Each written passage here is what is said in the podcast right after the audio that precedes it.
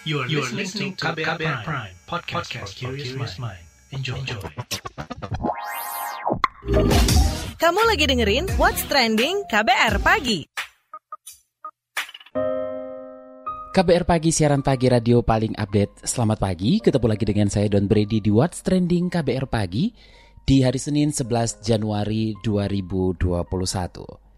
Segenap tim KBR Pagi turut menyampaikan duka mendalam atas peristiwa jatuhnya pesawat Sriwijaya Air SJY 182 di Kepulauan Seribu, Jakarta Utara Sabtu kemarin.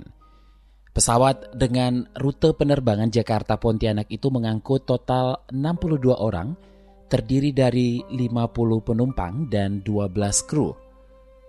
Menteri Perhubungan Budi Karya Sumadi menjelaskan Puluhan penumpang tersebut terdiri dari 40 dewasa, 7 anak-anak, dan 3 bayi.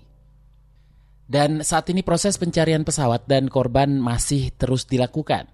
Menteri Perhubungan Budi Karya Sumadi mengungkapkan arahan Presiden Joko Widodo agar proses pencarian dilakukan maksimal oleh seluruh personel gabungan di lokasi kejadian. Sementara itu, Mabes Polri menyiapkan tim Disaster Victim Identification untuk proses identifikasi korban.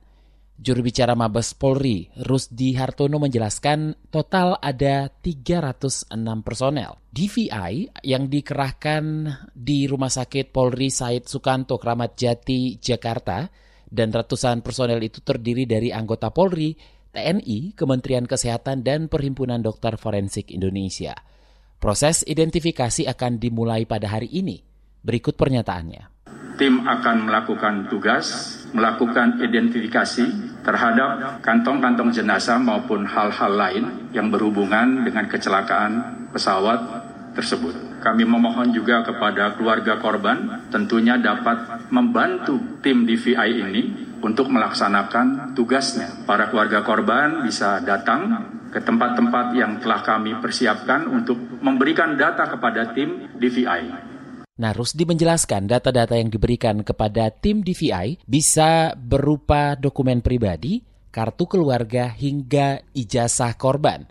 Data tersebut merupakan bagian dari antemortem yang nantinya akan dicocokkan dengan identitas jenazah atau postmortem. Kata dia, keluarga korban bisa menghubungi kantor kepolisian terdekat untuk proses penyerahan data tersebut. Ungkapan duka pun disampaikan warganet di laman media sosial. Kita simak berikut ini.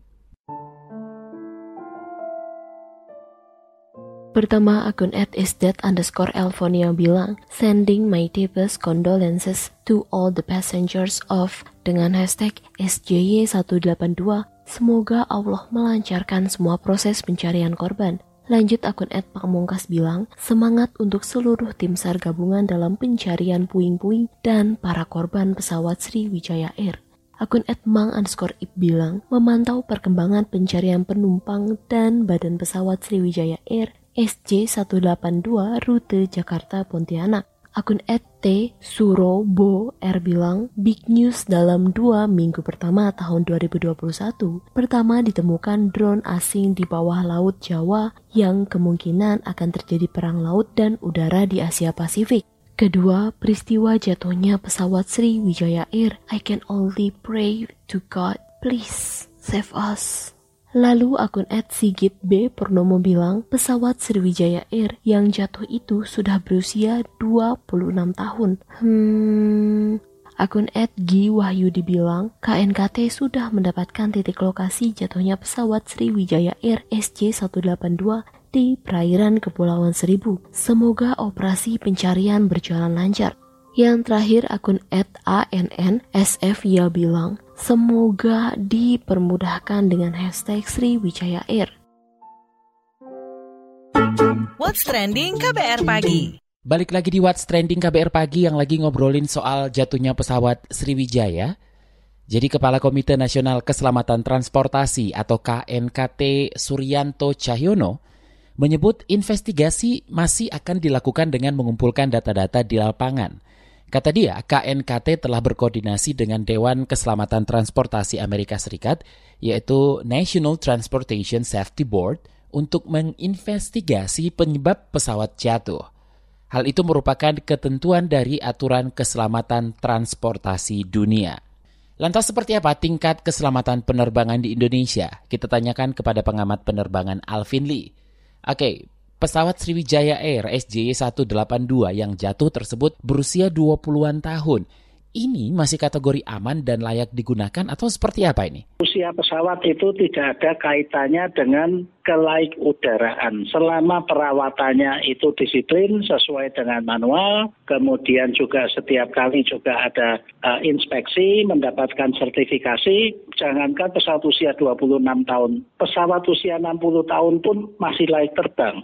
Bedanya adalah pesawat yang lebih tua itu lebih boros perawatannya lebih banyak, penggunaan bahan bakarnya juga lebih boros, sedangkan pesawat-pesawat yang modern itu dengan desain yang lebih modern, uh, aerodinamikanya lebih baik, mesinnya lebih hemat energi, itu lebih efisien. Jadi nggak ada itu urusannya usia pesawat tua. Yang pesawat Boeing 737 MAX jatuh itu usianya belum 90 hari. Nah, bagaimana tingkat keamanan dan keselamatan maskapai Indonesia saat ini? Sejak tahun 2018 Indonesia ini masuk kategori uh, rekam jejak keselamatan penerbangannya kita ini masuk kategori sangat baik di dunia.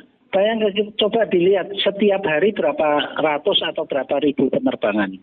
Tiap tahun berapa juta penerbangan.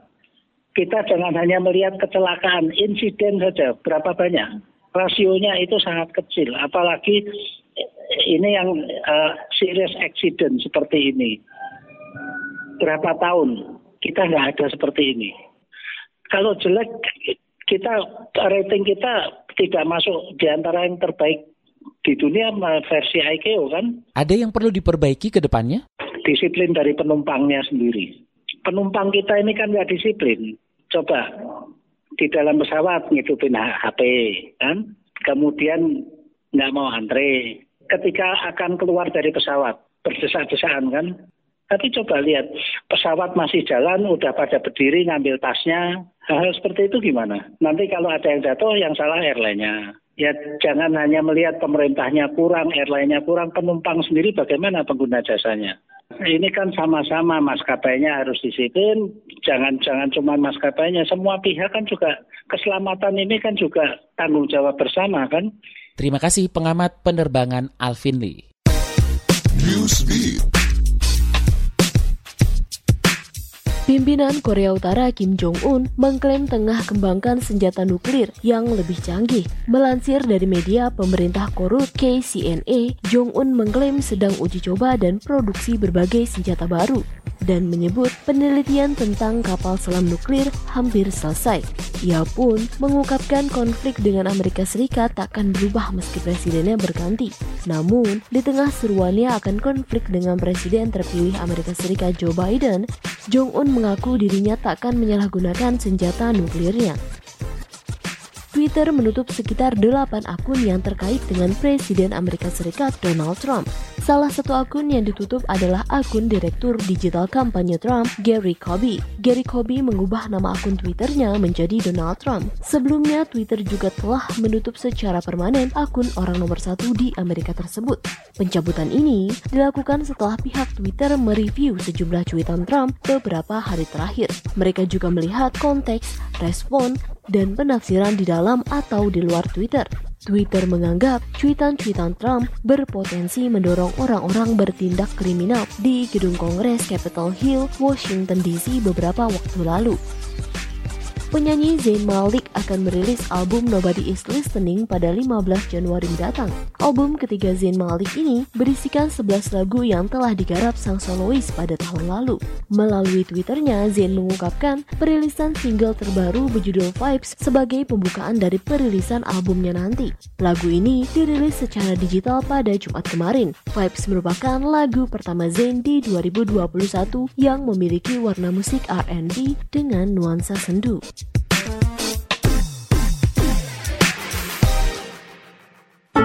What's Trending KBR Pagi. Selamat pagi buat Anda yang baru saja mendengarkan What's Trending KBR Pagi. Masih bersama saya Don Brady, di mana pun Anda mendengarkan siaran ini dari Aceh hingga Papua. Selamat menjalankan aktivitas Anda pagi ini. Jangan lupa selalu pakai maskernya kalau keluar dari rumah ya. Kita lanjutkan ngobrolin soal jatuhnya pesawat Sriwijaya yang membuat kita terkejut ya. Ini terjadi di hari Sabtu kemarin. Nah, pusat krisis pun didirikan bagi keluarga korban yang hendak mencari informasi terkait kecelakaan pesawat tersebut. Soal ini kita simak penjelasan Direktur Utama Angkasa Pura II, Muhammad Awaludin pada konferensi pers kemarin. PT Angkasa Pura II Persero bersama seluruh stakeholder bandara sudah mengaktifkan di dua lokasi bandara, yaitu di Bandara Internasional Soekarno-Hatta dan di Bandara Internasional Supadio. Untuk Bandara Internasional Soekarno-Hatta, yang kita aktifkan ada dua titik. Satu adalah Emergency Operation Center, yaitu pusat penanggulangan kondisi kedaruratan bandar udara. Yang kedua, di Bandara Internasional Soekarno-Hatta adalah di sini, di Posko Crisis Center, dan posko ini adalah untuk koordinasi antar stakeholder dan juga titik pertemuan antara maskapai Sriwijaya Air dan nantinya dengan para keluarga yang uh, sedang dalam proses pencarian dan penyelamatan saat ini. Nah, yang kedua di Bandara di Internasional Supadio, di Bandara Internasional Supadio bersama dengan maskapai Sriwijaya Air, kami sudah mengaktifkan posko di bandara untuk crisis center dan juga di perkantoran Sriwijaya Air di Geraha Chandra. Posko di sini dan juga di Supadio akan beroperasi 24 jam. Dan juga untuk rekan-rekan media yang akan mendapatkan atau uh, mencari informasi seputar penanganan uh, kegiatan ini akan bisa mencari dan uh, aktif di Posko Crisis Center ini. Sementara itu Yayasan Lembaga Konsumen Indonesia meminta Kementerian Perhubungan untuk meningkatkan pengawasan yang lebih ketat kepada semua maskapai udara guna menjamin aspek keselamatan penerbangan secara keseluruhan dan khususnya perlindungan konsumen jasa penerbangan. Kini kita akan berbincang bersama Ketua Yayasan Lembaga Konsumen Indonesia atau YLKI Tulus Abadi. Mas Tulus, apa yang diharapkan kepada pemerintah dalam menangani peristiwa ini? Nah, ini saya kira pada konteks citra penerbangan Indonesia ini akan menjadi hal yang sangat buruk ya menjadi kado yang sangat buruk di awal tahun dan dicitrakan sektor penerbangan udara di Indonesia menjadi tidak aman karena dalam lima tahun terakhir ya atau bahkan empat tahun terakhir ada dua kecelakaan pesawat yang fatal yang mengalami jatuh dan kemudian menelan korban yang sangat banyak. Ini saya kira tidak boleh dibiarkan dan artinya ada sesuatu yang sangat serius terkait dengan kondisi penerbangan di Indonesia bukan hanya masalah hilir, tapi juga masalah hulu. Nah ini saya kira kami meminta dengan sangat kepada regulator, ya Kementerian Perhubungan, untuk mengusut tuntas penyebab kecelakaan ini dari hulu sampai hilir.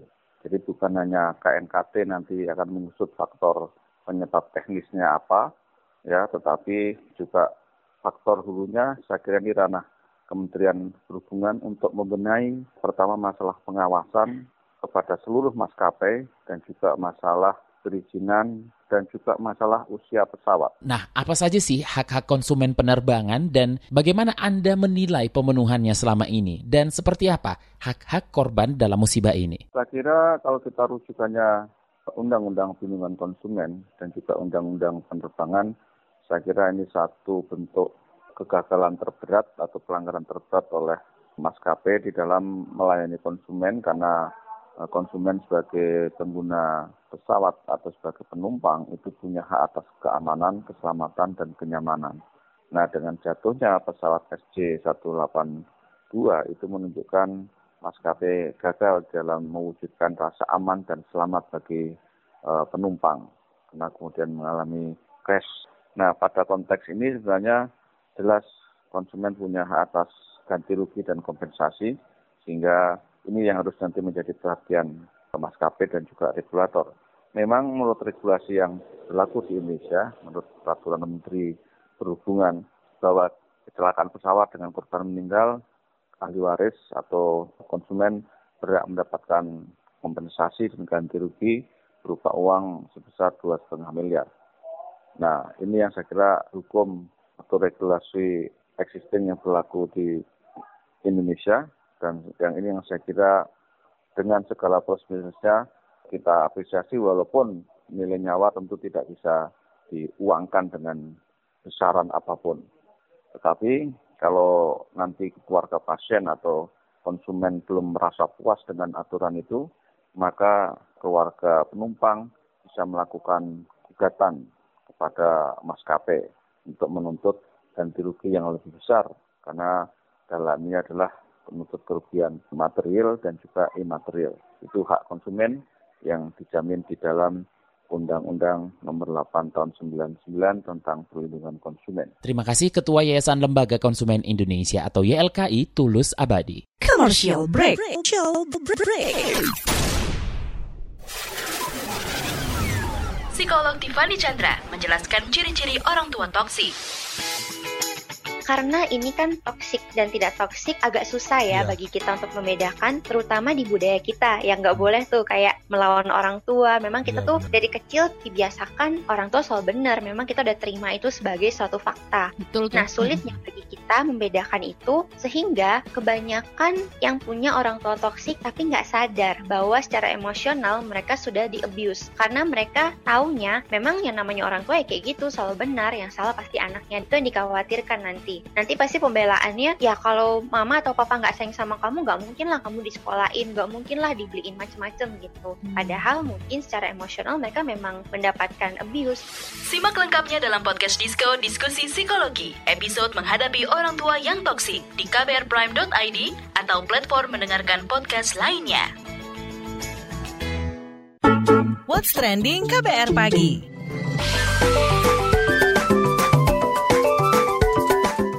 WhatsApp Indonesia.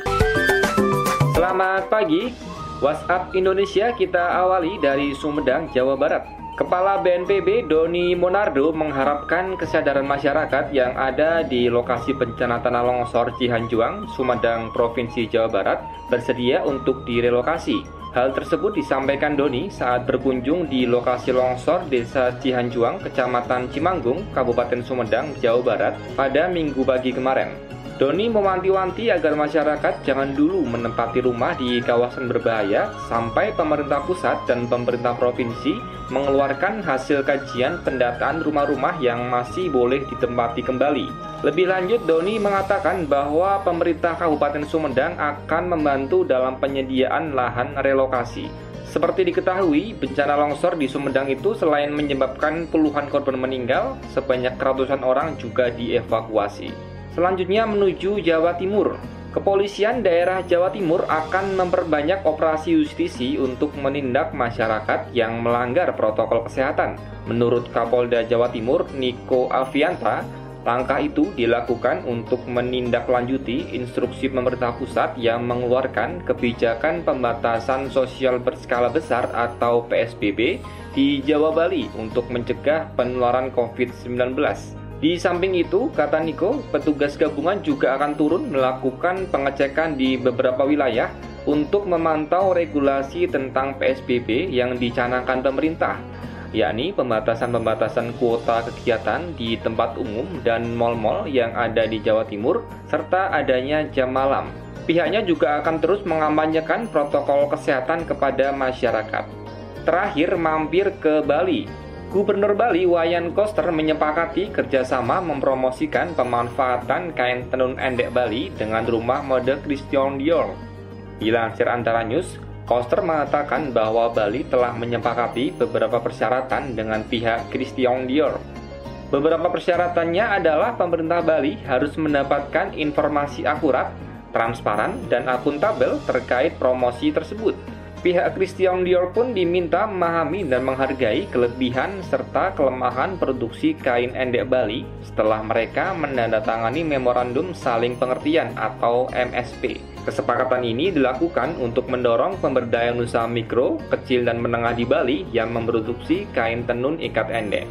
Demikian WhatsApp Indonesia hari ini. Waktunya saya Don Brady undur diri. Terima kasih sudah mendengarkan. Dan buat Anda yang tertinggal siaran ini, Anda kembali bisa menyimaknya di podcast What's Trending yang ada di kbrprime.id, di Spotify, dan di aplikasi mendengarkan podcast lainnya. Besok kita ketemu lagi ya. Jangan lupa, stay safe. Bye-bye. Terima kasih ya sudah dengerin What's Trending KBR Pagi. KBR Prime, cara asik mendengar berita. KBR Prime, podcast for curious mind.